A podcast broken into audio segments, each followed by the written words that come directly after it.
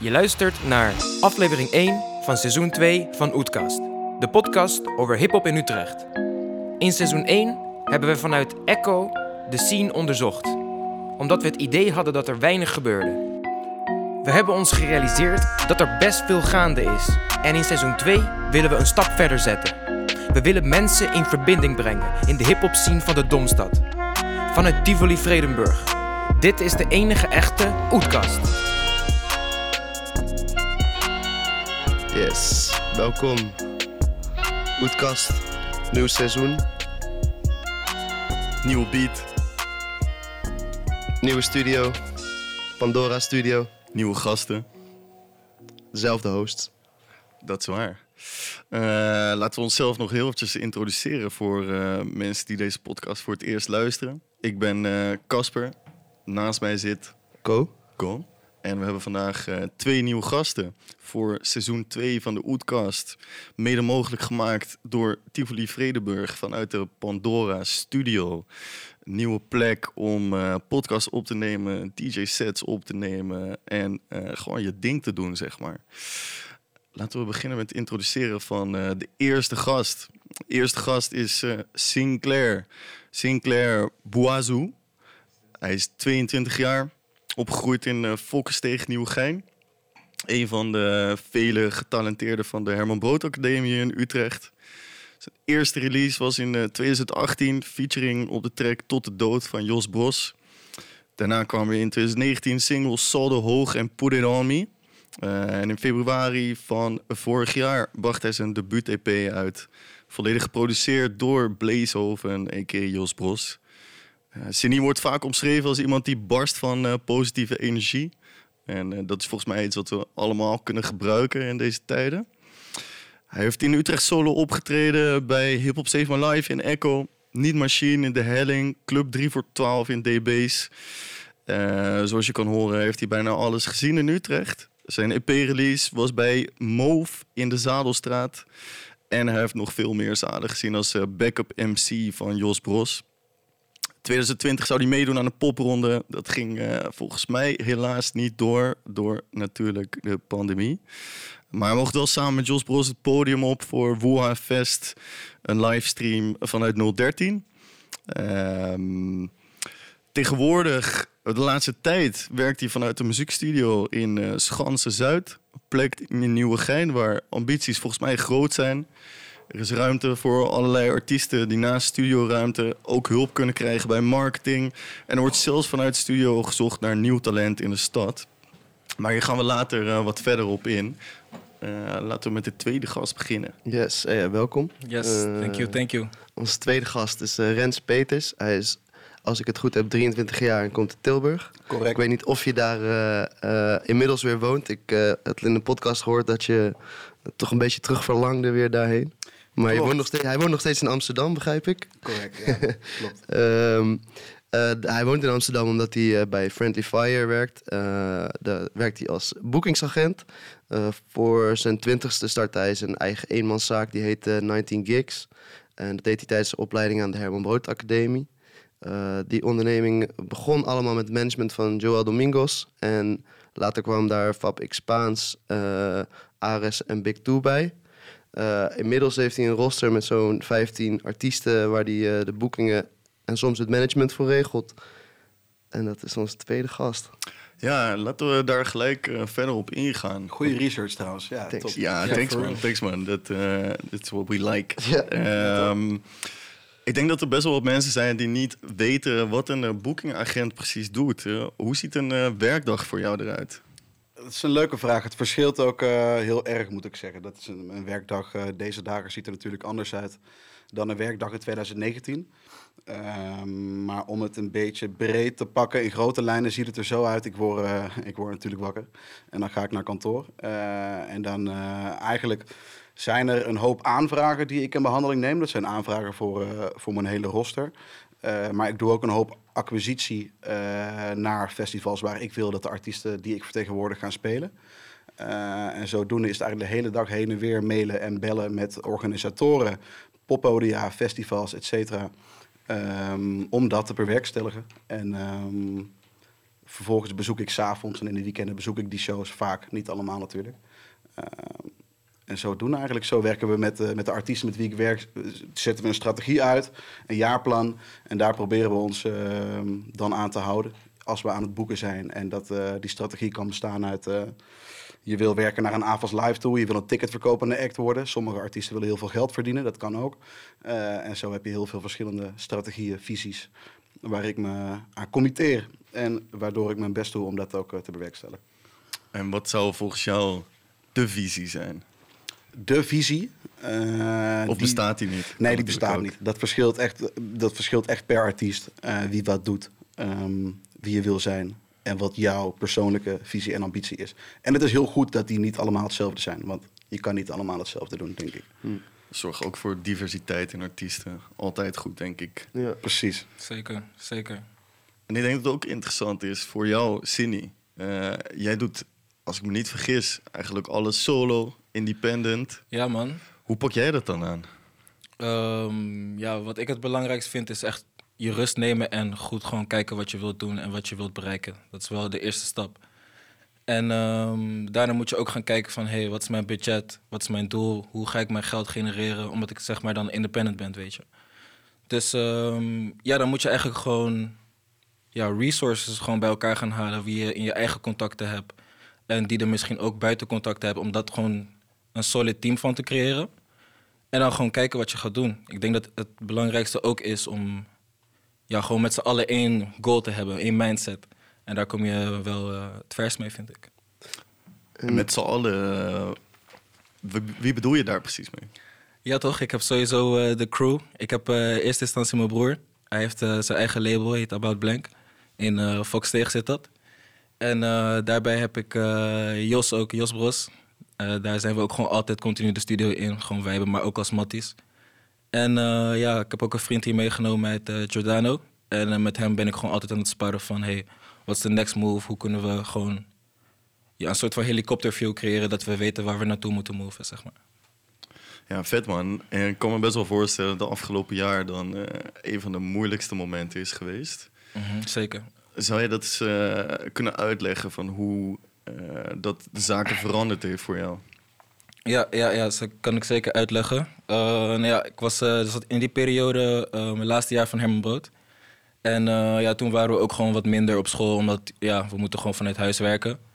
En ja, daarna was ik gewoon afgerond, had ik mijn studie afgerond. En ehm, moest ik echt gaan kijken van wat moet ik doen, weet je.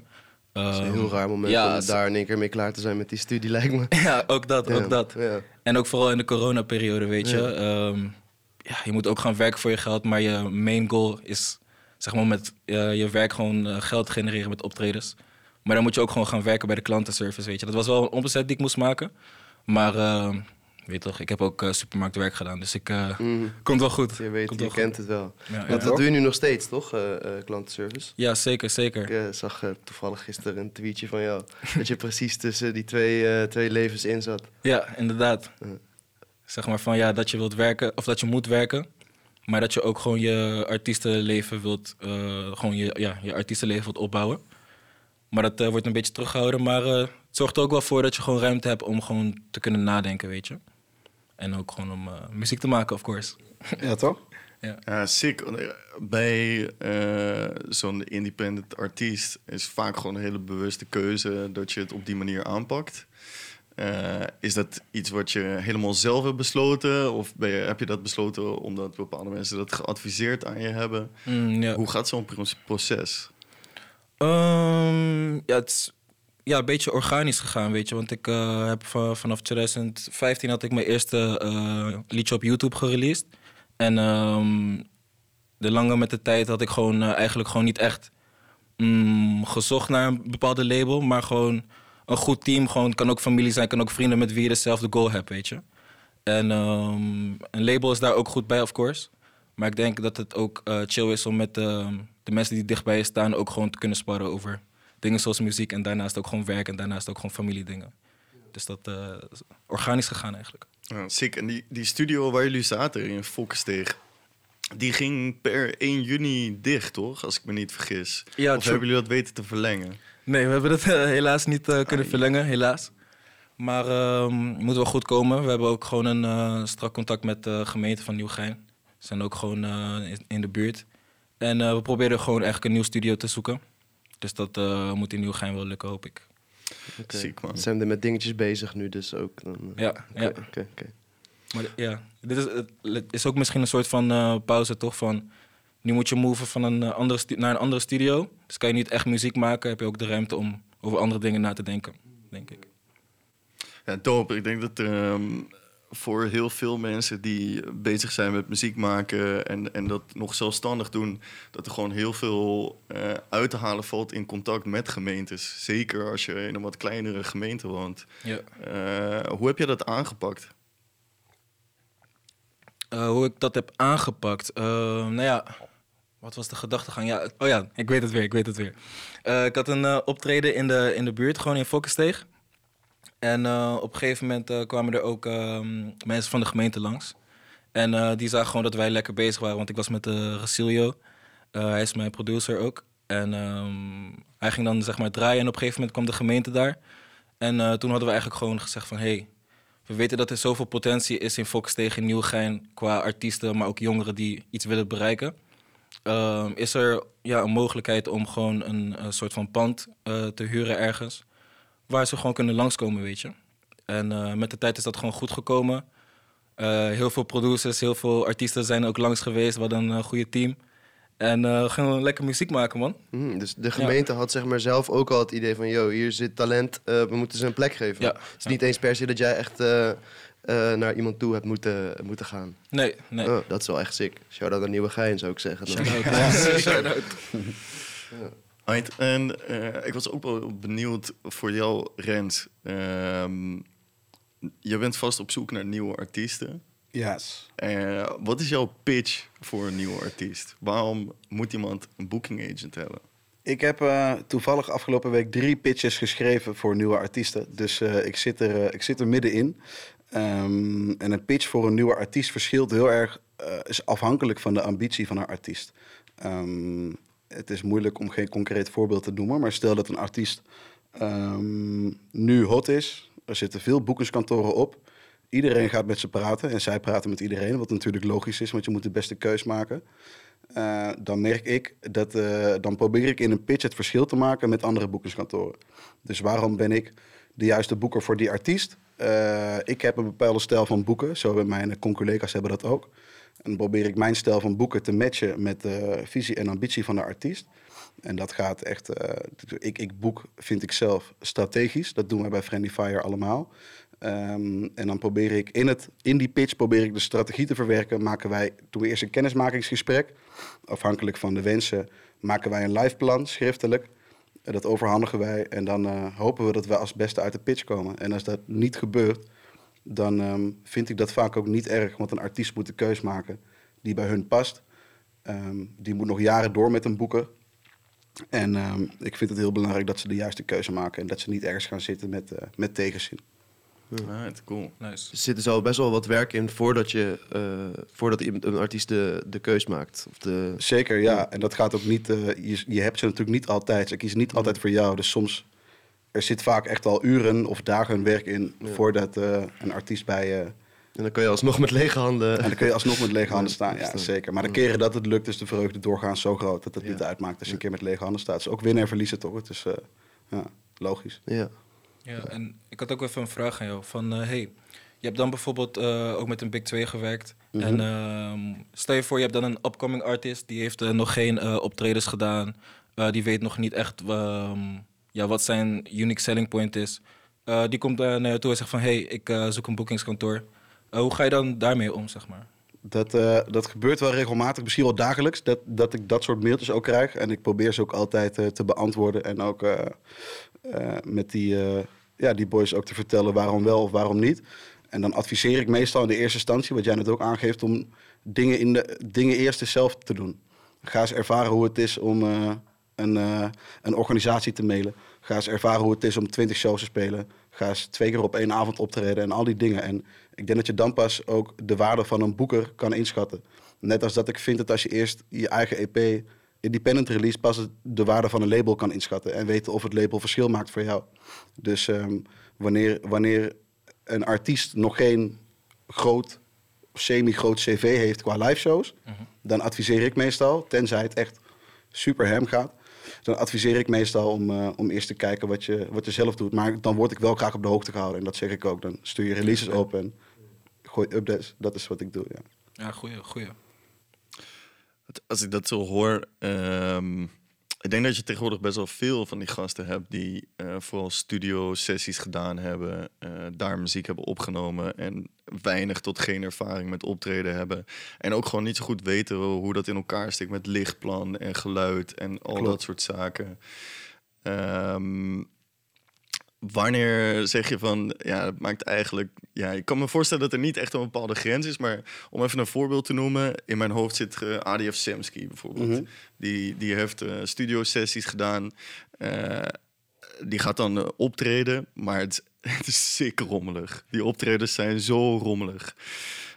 Hoe ehm, kan je jezelf als artiest daar het beste in ontwikkelen volgens jou? Kijk, ik weet niet of die show van ADF Samsky rommelig is. Ik heb dat niet gezien. Nee, het is Nee. een klein Maar disclaimer, we hebben maar er eentje gezien ook. Ja, we hebben er maar, eentje we hebben er eentje gezien. Ja. Maar oké, zonder neem erop, toch? Stel dat een artiest rommelig, een rommelige show geeft. Dan denk ik dat een artiest daar ook snel achter komt. Omdat het publiek tegenwoordig ook hoge kwaliteit gewend is. Omdat het aanbod zo groot is, zit er ook hoge kwaliteit tussen. Dus ik denk dat dat niet duurzaam is en dat je daar als artiest ook snel achter komt. Bovendien gaan organisatoren ook niet nog een keer boeken. Ehm, dus dat denk ik. En als er solid management op zit, ehm, dan zal het management daar ook iets van benoemen, van, van zeggen en dat proberen aan te passen. En als het management daar niks van zegt of dat aanpast, dan is het ook geen solid management, vind ik. Ja. Snap ik, snap ik zeker. En het is ook eh, inderdaad daarom ook belangrijk dat je gewoon een goede team eh, bij je moet hebben, weet je. Ook als eh, independent zijnde, dat je gewoon ook, ja, gewoon echt letterlijk gewoon kritisch en ook, vind ik, op de puntjes van de ego moet scherp zijn, weet je. En dan ook gewoon kijken van, ey, hoe is die optreden gegaan? En dan gewoon een soort van eh revaluatie of zo creëren van, joh, dit is fout gegaan, dit kan beter. Maar hier moet je nog extra iets doen om het naar de next level te tillen of zo bijvoorbeeld. Ja, dus, eh, Ja, ik denk dat je als artiest echt wel mensen eh, om je heen moet verzamelen die eh, dingen tegen je durven te zeggen, zeg maar. Die misschien voor jou heel vervelend gaan klinken, maar die wel, ja, wel Ja. waar zijn. Ja. Zeker, man. Dat is heel belangrijk, vind ik. Geen ja-knikkers. Nee. precies. snap je. Eh, ja, we zitten hier nu eh, in Tivoli. En ehm, het is natuurlijk een gekke tijd eh, dat optreden zometeen weer een beetje los begint te komen. En ehm, aan de ene kant zou je kunnen stellen, ehm publiek wil nu zo graag eh, die zalen die gaan gevuld raken. Dus je kan als poppodium misschien meer risico nemen in je programmering.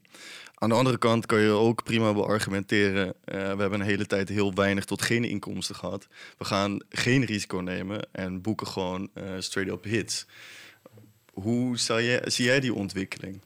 Als, als je voor het tweede zou kiezen als poppodium of organisator, dan gooi je ook je eigen ruiten in en dan maak je je eigen industrie kapot. Dus ik denk dat het een, eh, een balans moet zijn tussen die, die, nieuwe, die nieuwe jongens en meisjes een kans bieden. Eh, niet als ze één ticket verkopen in een zaal van 500, maar wel eh, als ze net uit de kosten komen of net niet. Dat, moet ook, eh, dat kan je jezelf permitteren als je ook andere shows doet waar je wel het volledige capaciteit aan tickets verkoopt. Dus ik denk dat het draait om een, om een juiste balans. En ik hoop ook dat organiseren Nederland dat, dat ook zo ziet. Ja. Ja, ik mag toch ook wel hopen dat we van poppodia wel mogen... Ja, d- d- mogen we wel van verwachten dat ze daar een goede kijk op hebben. toch? 100 Eh, procent, zeker. 100 procent. Kijk, daar, daar zijn natuurlijk gewoon programmeurs voor die daar hartstikke goed in zijn. En bovendien worden er ook poppodia gesubsidieerd. En de bedoeling van de subsidie is vaak ook vanuit gemeente van... Hey, Goede ik wil mensen. ook eh, lokaal talent op het podium hebben, want dat is ook waar wij de subsidie voor betalen. Dus eh, dat is ook een beetje de taak van een poppodium. Hoewel het verschilt per poppodium in hoeverre zij subsidie krijgen en wie niet. Ja, precies. En ik denk ook, er zijn ook gewoon eh, best wel veel nieuwe poppodia eh, gebouwd de laatste tijd, zoals Tivoli Vredenburg. En eh, bijna al die poppodia hebben veel meer geld gekost dan in eerste instantie gebudgeteerd. En dan kan ik me goed voorstellen dat je op het begin gewoon niet zoveel risico neemt, omdat je gewoon geld terug moet verdienen en bepaalde leningen nog open hebt staan. Maar ik ben het helemaal met je eens. Voor de scene is het gewoon super belangrijk dat ook die kleine artiesten een plek krijgen. En ik denk dat dat ook iets is wat eh, in Utrecht eh, in mindere, of tenminste ja, eigenlijk best wel goed gedaan is. Omdat je voor heel veel verschillende eh lagen, verschillende poppodia hebt en verschillende soort zalen. Jij, Cindy, hebt best wel veel van die zalen gezien. Als je Zeker, er eentje zou moeten noemen waar je het meest thuis voelt, wat zou je dan zeggen? Ehm, ik zou wel Echo zeggen, man. Echo, Echo. Omdat, eh, ja, ehm, ik heb ook eh, shows met Jos daar gedaan. En ehm, ook met HBA, met de Hip Hop Save My Life, eh, waren we daar altijd. Gewoon bier drinken, rooksok chillen. Ook optredens kijken van klasgenoten en zo. En ja, ik kan wel zeggen Echo inderdaad, ja. Sick. Hebben Eh, wij in vorig seizoen eigenlijk ook altijd gehoord eh, dat Echo wel... eh, Ja, heel vaak. En ik denk dat het Ja. ook komt omdat we veel met eh, jonge, eh, nog beginnende artiesten, of relatief beginnende artiesten hebben gesproken. Die heel vaak in Enkel gewoon eh, een spot krijgen en een, een plek krijgen om hun ding te doen. Ja, was laatst ook een jubileum van Echo. Ze waren eh, Ja, ja, 65. 35 geloof ik. jij, grootste. jij, hebt, daar- jij hebt daar ook een optreden eh, voor Ja. opgenomen, toch? Ja man, dat was zo'n eh, soort van eh, in een, eh, met een 3D-camera. Ja. En die gaat helemaal zo rondjes draaien en zo. Dat was echt sick. Moet het zeker. nog eh, online komen? Of eh, is dat... Ja, wat ze hadden gedaan is, eh, ze hebben overal bij verschillende plekken in Utrecht hebben ze QR-codes eh, geplakt. En dan moet je dan met je telefoon zo scannen. En dan kan je die optreden zien van verschillende artiesten. Oh shit. Maar ik hoop dat het nog eh, online komt, want het is echt super sick. Oh ja, nice toen was het een soort live ding, maar... Dat, ja, oké. Ja, ze zijn ja. volgens mij nu inderdaad alleen nog via die QR-code te checken. Oh, maar die codes kun je misschien nu nog wel ergens op Die hangen gewoon overal vinden. door de stad. True. Eh, Als als, je die als je op creative plekken komt, dan hangt daar zo'n QR-code. Ja man, dus als je ergens een QR-code ziet, pak je telefoon, zet die camera daar en eh, wie weet zie je mij optreden. Volgens mij staan ze naast Tivoli, man. Toen ik hierheen liep, zag ik iets, heb Klopt, gecheckt, maar klopt. oké. Ik heb Daar terug- hangt er eentje. Ja, bij Stranded FM hangt er eentje. Digit ook eentje, die record Digit store. heeft hem eh, ook inderdaad hangen. Ik kan me niet voorstellen dat Plato hem niet heeft. Ik denk dat die er ook wel eh, eentje ergens hebben zitten. Eh, jullie hebben allebei eh, een opleiding aan de HBA gedaan. eh, in verschillende richtingen. Wat, wat is jullie het meest bijgebleven van eh, die opleiding? Laten we met jou beginnen, Rens. Eh, mij is het meest bijgebleven dat, dat ik. ehm, dat, ja, dat vind ik eigenlijk wel een moeilijke vraag. Maar ik denk dat mij het meest is bijgebleven dat je alles kan en mag doen van de Herman Brood Academie. ehm, als jij er serieus mee bezig bent. Dus ik heb heel veel vrijheden gekregen en handvatten zijn mij geboden. Maar ik moest het wel zelf doen. En dat stimuleren ze heel erg. In ieder geval aan de opleiding die ik deed, als Music Industry Professional. En dat stelde ik wel op prijs. Dus dat, dat zij gewoon tegen mij zeiden van... oké, is cool, je wil dat? Doe dan. Ehm, en toen ging ik dat doen. En dan ga je vijf keer ga je gigantisch op je bek. Maar de zesde keer lukt het. En als je dat vaak genoeg doet, dan... eh, ja, ik heb er wel een, een, eh, een, eh, nog brillen, maar ik heb er wel een carrière aan, in de muziekindustrie aan overgehouden waar ik heel dankbaar voor ben. En dat is natuurlijk ook voor een deel te danken aan de Herman Brood Academie. Dus dat vond ik wel, eh, dat is mij bijgebleven. Ja, ik sluit me echt eh, volledig aan bij jou, eh, Rens. Want eh, ik heb, wat ik daar heb geleerd is ook van, ja, je moet echt gewoon hard werken, weet je. Je moet laten zien dat je het echt wilt, weet je. Vooral Moon heeft dat ook echt duidelijk gemaakt van... Hij heeft ook echt gegrind voor zijn, voor zijn carrière, dus dat moet je... Dat wil hij zeg maar zien als een weerspiegeling, weet je. Dus um, ja, het harde werken en ook gewoon vooral... Ja, ik heb echt mijn, um, mijn driejarige opleiding heb ik wel echt genoten, want... Dat was echt, zeg maar, ja, hoe leg ik dat uit? Ik heb me echt mezelf gewoon ontdekt of zo, weet je. Gewoon van, ah, ik kan dit ook. Maar ik kan ook gewoon een hele andere kant op gaan. Bijvoorbeeld uh, techno of deep house uh, dingen.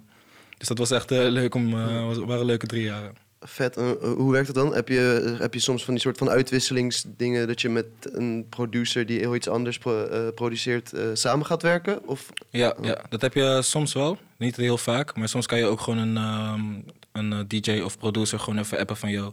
kom zo meteen even mijn boot in. Sluit je even aan. En dan, ja, dat, dat vind ik ook hard, die boots bij jullie. Ja, als, ja. als, je artiest, als je uitvoerend artiest bent op de Herman Brood Academie of producer, dan, uh, dan zijn er boots beneden. En het is een soort indoor plein ja. met allemaal boots. En iedereen gaat bij elkaar naar binnen toe.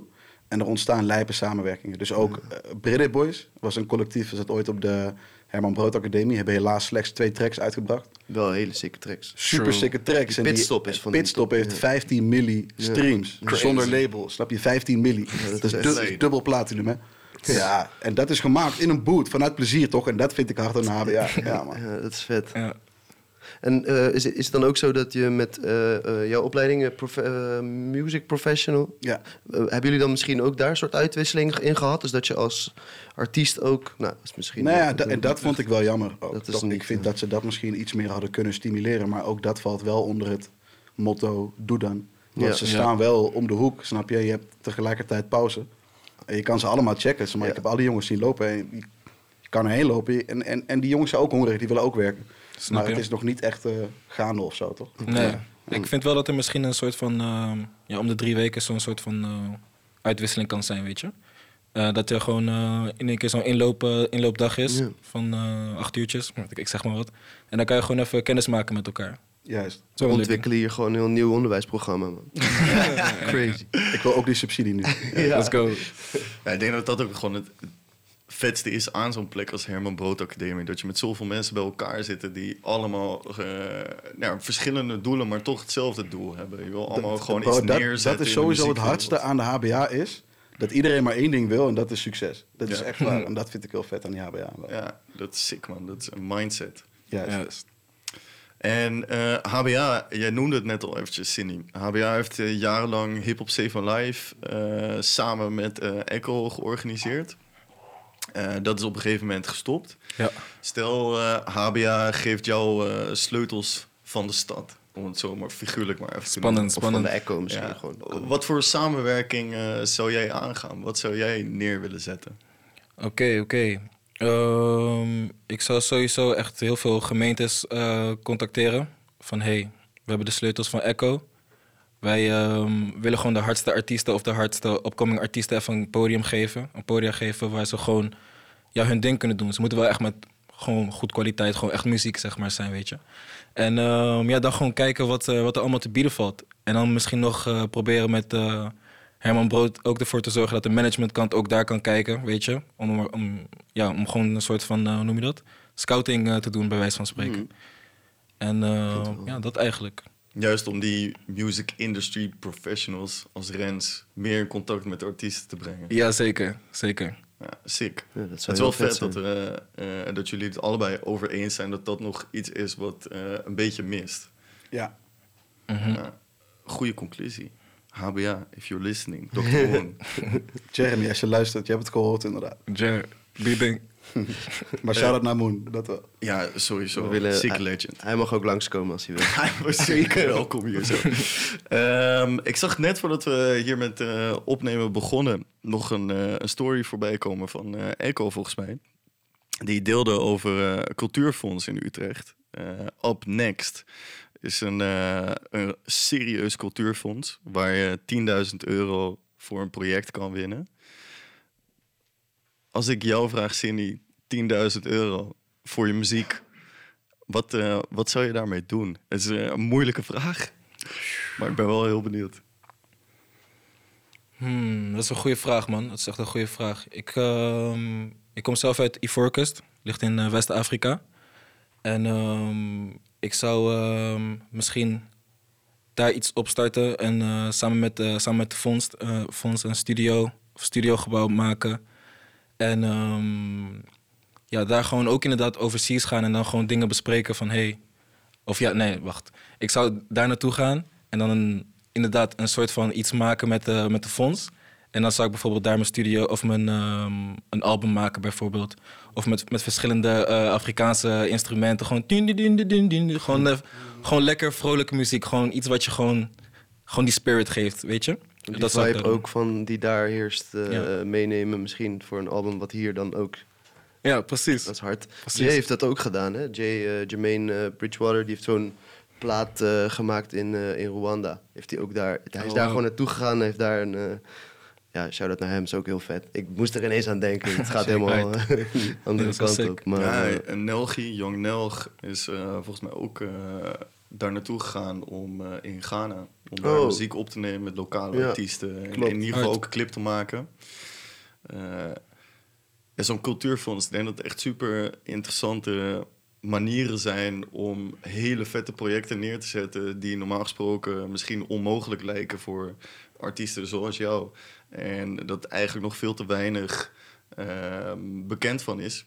Mhm. Eh, en Ja, want je kan daar dus gewoon gratis aan meedoen aan zo'n Ja, wedstrijd. ja. Hè? Dus het is ja. gewoon helemaal open. Ja. En, en precies wat Renze ook zei. Je moet gewoon doen. Ja. Als je iets wil bereiken, dan moet je het gewoon doen. En dan moet je zo'n plan schrijven. ja, je moet wel een groot plan schrijven. Je moet wel heel serieus mee bezig zijn met wat je dan precies wil. Maar ja, 100%. Ja, maar dat, ja. maar dat is allemaal echt relatief weinig als je gaat kijken hoe hard je moet grinden als je het zonder die subsidie wil doen. Ja, Dus precies. En ik vind sowieso, kijk, sommige mensen zeggen dat het is er te weinig, maar dat is niet waar. Nee. Er is heel, heel veel In subsidie. Nederland is zo Bij heel veel. gemeentes. Misschien soms wel te veel. Ik ga niet voor je liegen alleen. Maar ik, ik denk eh, wat er mist is zeg maar de, de link er naartoe. Exact. mensen Ja. moeten ervan weten. Ja, zeg maar ook bijvoorbeeld met upcoming artiesten niet weten dat je met Booma Stemra moet werken of dat je je Sena moet doen of zo.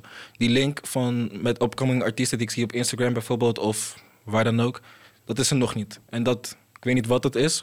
Nou, dat, dat, misschien, ja. dat, ja, dat is gewoon dat het niet voldoende aan de man wordt gebracht. Dus het is heel jammer dat er eh, miljoenen beschikbaar worden gesteld voor subsidies. Mhm. Maar dat eindstand eh, grijze bluesbands ze wel weten te vinden. Ja. En jonge, hongerige artiesten met potentie niet. Ja. Eh, en, en wat ik dan vind, is dan moet degene, de gemeente of het fonds dat die subsidie verstrekt, moet ervoor zorgen dat het ook bij de juiste mensen komt. Mhm. Ja, dat is Ehm, inderdaad ook. Want het is heel jammer om een miljoen vrij te maken eh, en vervolgens niet 10 doezoe te investeren om te zorgen dat de juiste mensen die miljoen komen halen uiteindelijk.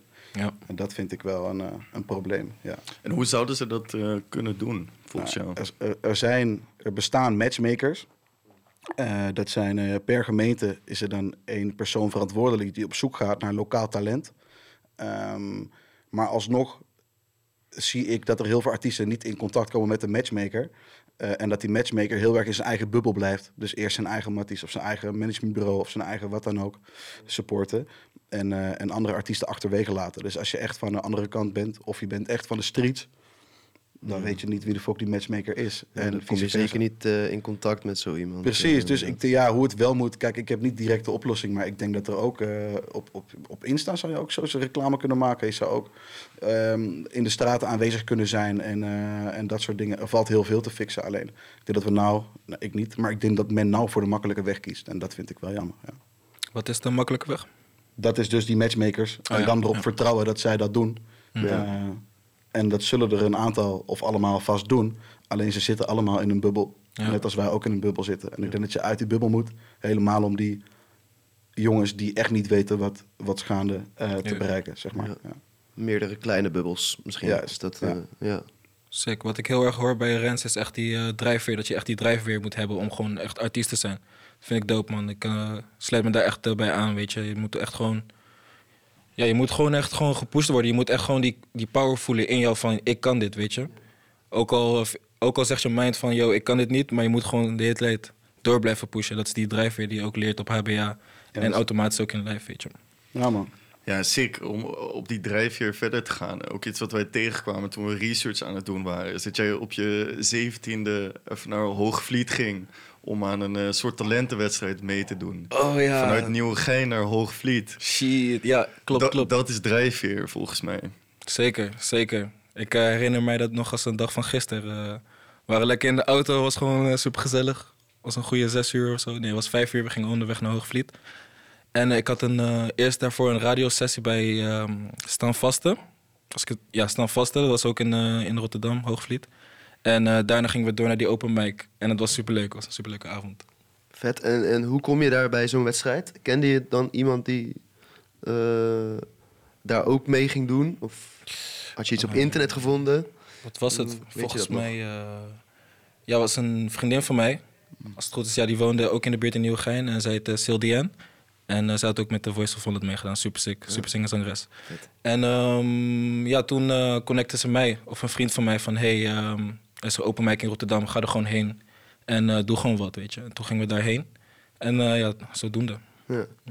Gewoon uh, scheid hebben en uh, jezelf willen laten zien. Uh, ja, dat is toch die drijfveer ja, inderdaad. Ja. ja. Dat is een goede albumtitel, Drijfveer. Of een goede titel voor Ja, man. Ja, Kloef ook wel, man. Ja, zeker. Ja, man. Nieuwe single. Ik voel hem aankomen. Drijfveer. Sowieso heeft uh, Cindy laatst nog een single uitgebracht. Die gaan we nu gewoon ook gelijk even promoten. Ja. Anderhalve meter. Yes. Go check it out. Anderhalve meter. Out now. Spotify, check die shit. Precies. Ik had hem uh, drie dagen lang uh, in mijn hoofd zitten. Dus je doet al iets goed met die track. goed om te horen. Ehm, ik denk wat ook eh, wat wij ons afvroegen, omdat we eh, Co en ik allebei gewoon niet zo goed wisten hoe zo'n booking agency in elkaar steekt. Zo'n zo'n roster als wat jij hebt, artiestenroster. Ehm, heb je dat helemaal zelf opgebouwd? Moet je dat zien als een soort van portfolio wat je langzaamaan opbouwt? Hoe gaat zoiets in zijn werk? Ja, dat heb ik, eh, dat heb ik wel zelf opgebouwd. Dus eh, uiteraard, soms, met, eh, soms heeft iemand me geconnect met mensen. Eh, maar dan alsnog heb ik dat wel in zekere zin aan mezelf te danken, omdat die connect ook niet voor niks is. Ehm, dus ik ben natuurlijk ooit begonnen met het, eh, het tourmanagement voor Ares. Ehm, dat, dat, ik was heel enthousiast en hongerig, gretig. Dus uiteindelijk werd dat management. Ehm, toen kwam ik uiteindelijk via de Herman Brood Academie ook bij Big Two terecht. Gelinkt door Jeremy. Dus nog een keer shout-out naar Moon.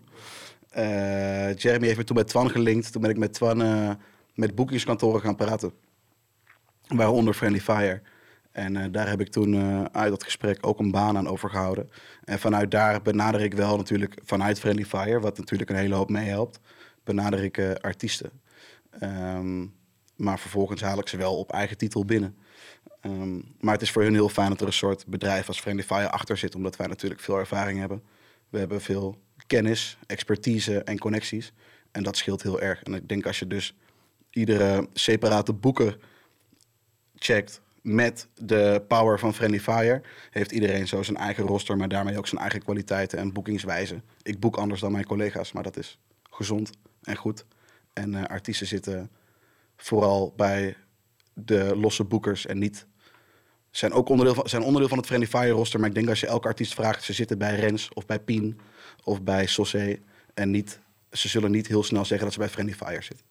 Ja, sick. Dus het gaat ook wel echt om een soort persoonlijke band met de artiest. Zeker. En ze zijn trots op Friendly Fire. Alleen Ja. die persoonlijke band is voor ons heel belangrijk wel. Ja, zeker weten. Je zou misschien ook kunnen zeggen dat je dan in, in, binnen Fantify ook een soort van bubbeltjes hebt. Ja, je hebt, je hebt, je hebt, ja, je hebt losse rosters. Maar als Ja. ik een tour wil boeken, dan overleg ik wel met mijn collega's of, dat, Oh ja, of ik een verstandige tour boek.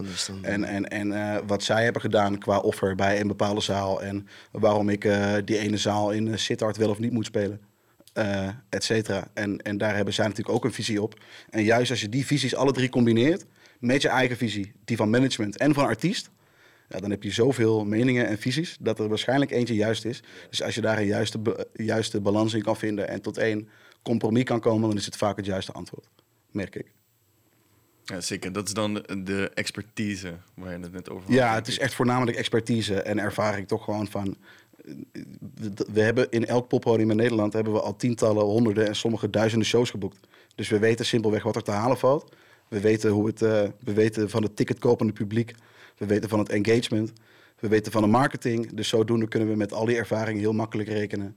ehm, wat een bepaalde show gaat verkopen. En waarom we iets wel of niet moeten doen. Ja.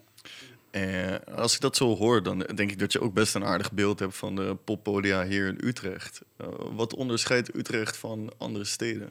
Nou, ja, het zal je verbazen, maar wat Utrecht onderscheidt van andere steden is dat Utrecht, mijn inziens, niet zo heel veel draagkracht heeft voor hip-hop. Ehm, en met name internationale hip-hop. Dus dat het in Utrecht veel moeilijker is om een zaal vol te krijgen dan in Tilburg. Ja. Eh, Of dan in, eh, in Nijmegen. Nijmegen is op zich echt, ik weet niet of het aan uh, Door Roosje of aan Merlijn ligt of aan Nijmegen zelf. Maar die verkoopt daar nagenoeg elke show uit. Dus Ik denk insane. dat het aan Nijmegen zelf ligt. Ja, maar dat is wel sick. Maar, ik, maar in, in, in, in Utrecht kun je echt doen wat je wil. Maar je verkoopt hier bijna geen Nee. hip-hop tickets. Dus Nee, als ik had het ook in de voorbereiding al neergezet. Van, het lijkt alsof eh, eh, 013 alle shows krijgt die eh, Tivoli niet krijgt of zo. Ik weet niet zo goed waar dat, hoe, hoe, dat zou, hoe, hoe kan dat? Ja, alle- allereerst, kijk, in, in, alles, in maar- Tivoli eh, passen minder mensen dan in 013. Kijk, in 013 kan men 3000 man kwijt. Dus in 013 is een uitstekende Oh, is- tussenstap tussen eh, de Tivoli of de grote zaal van de Melkweg en de AFAS Ja, Live. Dan speel ja. je wel op safe in eh, Tilburg. Daarnaast denk ik dat het ermee te maken heeft dat Tilburg vlakbij België zit. Ja, Het is ook redelijk centraal, zelfs voor Duitsland. Dus als je daar bij een grote internationale artiest staat, dan zie je ook wel mensen van verschillende nationaliteiten. Mhm. Ehm, maar vooral denk ik dat de draagkracht in Tilburg groter is voor hip-hop. Ja. En het is specifiek hip-hop hoor, want je verkoopt hier weer meer tickets op dingen waar je in Tilburg minder tickets op verkoopt. Indie bandjes. Maar het is, ja, ja, het, Utrecht is een indie-stad, eh, we Ja. kunnen eerlijk zijn. Maar, Ja, ja, ja. Ja, ja. Ehm, ik, dat vind ik wel jammer. Maar dat zorgt, dat, is ook, dat zorgt er ook voor dat men soms niet naar Utrecht toe gaat met een hip-hop show. Niet, het niet meer aanbiedt. Ja. Omdat men toch al weet, het verkoopt niet. En dat is wel. eh, ja, dat is heel moeilijk. Ik Ja. weet ook niet waar dat specifiek aan ligt. Ja, Ja, dat is wel sick. ja, ja, ja. ik eh, denk dat dat ehm, zeg maar met Utrecht is van hey, we hebben superveel eh hip-hop artiesten, maar wel echt on the low of zo. En ehm, ik vind zeg maar ook persoonlijk ook dat de artiest gewoon zichzelf moet promoten, fully, fully. Maar dat we ook gewoon inderdaad van de gemeentes meer eh, toegang kun- moeten kunnen krijgen bij eh, bijvoorbeeld kleine, eh, kleine optredens doen, Ja. midden in de stad. Of eh, ergens, wat dan ook. Gewoon dat er meer, ehm, hoe noem je dat? Ja, Ja, draagkracht denk ik toch? ja Dat precies. Ja, meer- precies. Ja, ik denk dat het gewoon. Dat is ook deels waarom we begonnen zijn met deze podcast. Omdat het lijkt alsof de, de band tussen Utrecht en hip-hop gewoon heel erg versplinterd is. Ehm, zowel eh, de stad in het algemeen als mensen eh, in de stad die iets voor hip-hop eh, willen betekenen. Ehm, en de laatste jaar, ja, laatste twee jaar merk je misschien daar een kleine schifting in. Omdat er gewoon heel veel mensen, zoals Cindy, zoals wij, zoals eh, de boys van La Cassette, eh, zoals eh Steep van Niet Machine. Het zijn allemaal kleine initiatieven. eh, mensen die het gevoel hebben dat de stad connectie met hip-hop aan het verliezen was. Of eh, dat er te weinig gebeurde. En die zijn het gewoon zelf gaan doen. We komen weer terug op. Je moet het gewoon zelf gaan doen als het er niet is.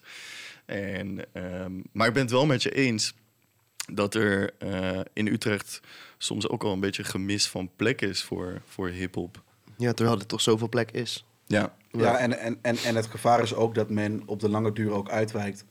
Als je hier heel erg met hiphop bezig bent en je bent er goed in, dan kun je misschien beter in Amsterdam zijn. Dat weten zij ook. Dus ga je heel lang aan een dood paard trekken, of ga je een beetje egoïstisch zijn, waar, waar, niks, waar niks mis mee is, en ga je naar Amsterdam om daar misschien je Ja. succes te halen of je, of je respect te krijgen. En Ja. dat, ik denk dat dat ook het gevaar ervan is. Dus dat het ook, ja, het is niet van dag op dag op te lossen, denk ik. Nee. Maar wel op de lange termijn. Ja, Dat doen zijn we goed mee bezig.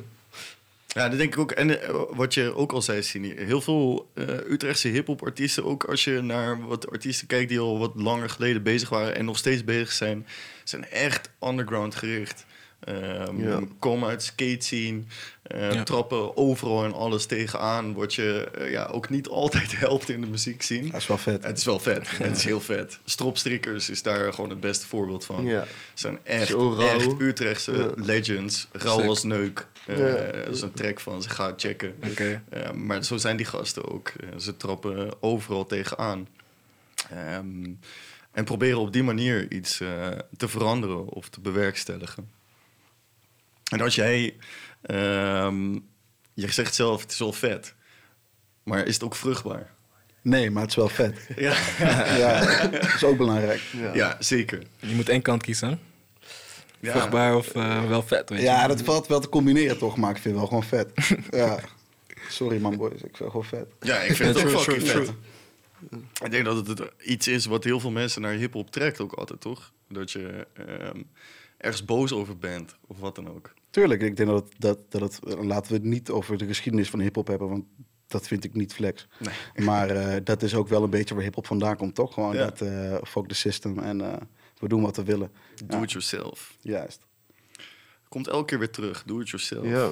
En Yes. zo- zolang de vier elementen niet terugkomen, dan ben ik gewoon tevreden hier, je weet wel.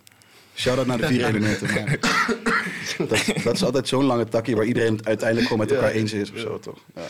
Ja, het is heel veel ehm, ja, op, oppervlakkig gepraat, denk ik. Juist. En ik denk vet is dat we hier gewoon wat verder de diepte, Ja. verder details in gaan. Juist. Maar de vier elementen zijn denk ik meer misschien voor Wilde Haren de podcast of zo. Ja, precies man. Kan ook Juist. inderdaad.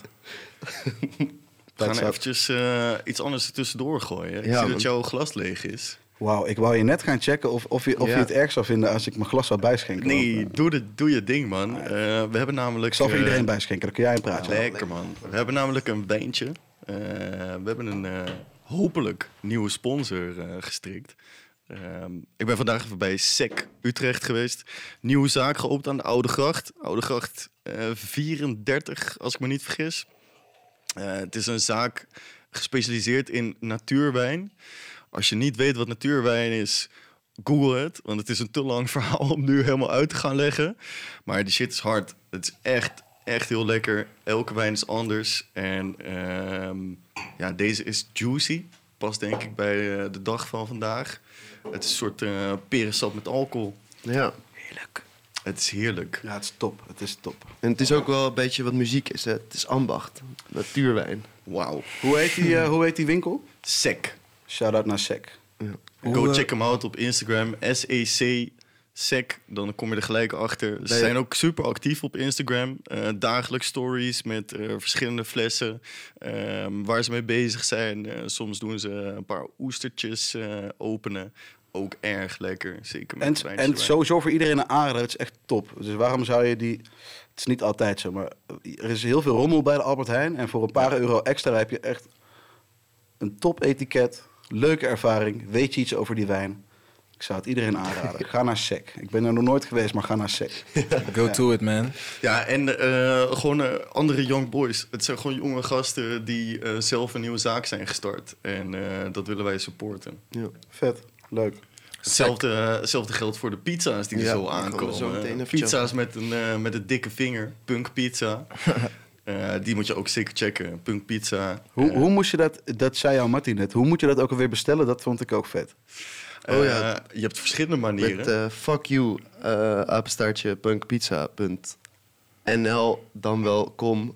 Ik denk NL. Even niet. Ik denk dat het een Nederlandse domein is. Maar eh, ja, punkpizza is ook sick shit. Echte Napolitaanse pizza's. Ja. Eh, ook daar, je betaalt ietsje meer, maar het is gewoon echt goede shit. Ja, en dat is eh, geld waard. Zeker. Heerlijk. Punk pizza. En punk doet ook wel veel shit voor, muziek, eh, voor de muziekindustrie. Dus dat Klopt. is ook gewoon heel vet. Klopt. Die gasten hebben ook continu keiharde punk aanstaan. Zoals eh, je zou verwachten, wat in de naam zit natuurlijk. En zo moet je elkaar een beetje supporten, toch? Van jullie gaan naar Sec, jullie gaan naar Punk Pizza. Zij komen naar jullie als jullie iets organiseren. Ja, En dat is een beetje, denk ik, hoe je iets opbouwt. Ja, een fundament leggen. Vet. ja man. Ja, dope. Alright. Ik denk dat eh, dat hem gewoon is. Ik denk dat we inderdaad echt super veel besproken hebben. Ja, het is een, eh, een vette podcast geworden. Ik ben heel erg blij met deze eerste aflevering. Ja. Nice. Weer een beetje eh, gezonde spanning gehad. Dat Ja. was ook lekker. Ehm, we hebben nog wat mensen om te bedanken buiten dan de, de twee die we net al benoemd hebben. Natuurlijk, gasten allereerst. Thanks dat jullie er waren.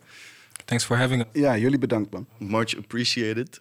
Eh, we willen ook Echo nog even bedanken. Want Echo is wel eh, super belangrijk voor ons geweest. Die hebben ons eh, een De, eerste de spot gegeven. zou je kunnen zeggen. Precies, die hebben ons een duwtje in de rug gegeven. Zij waren eh, een beetje onze, onze Dr. Moon. Zij waren die mensen die tegen ons zeiden, ga het doen dan. Vet. Ga wat Ja. maken dan. Ga het zelf onderzoeken. Als jullie willen weten wat er in de stad gebeurt, ga het zelf onderzoeken. En, en dat advies is denk ik eh, heel duidelijk teruggekomen in deze podcast. Voor Ja. iedereen die iets wil bereiken, ga het doen. Ja. En eh, ga vijf keer op je bek en de zesde keer lukt het. Ja. Eh, daarnaast Tivoli, natuurlijk. In het bijzonder Michiel Peters. die ons een handje helpt in het zoeken van gasten en het neerzetten van de podcast. Shout-out naar Michieltje. Ja, ook namens mij. Ja, Michiel is ook eh, iemand die echt wat voor de stad en eh, voor hip-hop in de stad wil doen. Eh, Niels Boswinkel, onze technicus.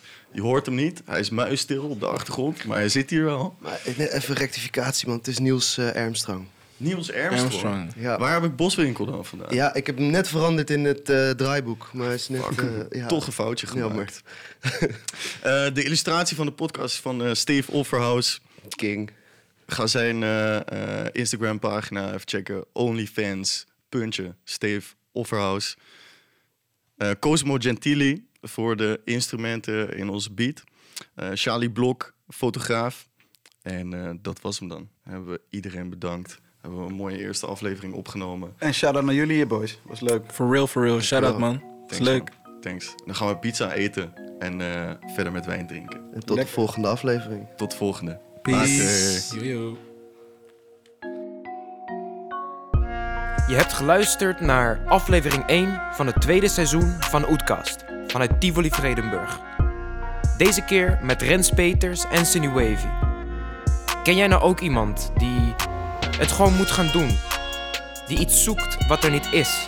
Stuur deze podcast dan door. En like en abonneer alvast om als eerste straks te horen wanneer de nieuwe Oetkast online komt. Thanks voor het luisteren. Peace.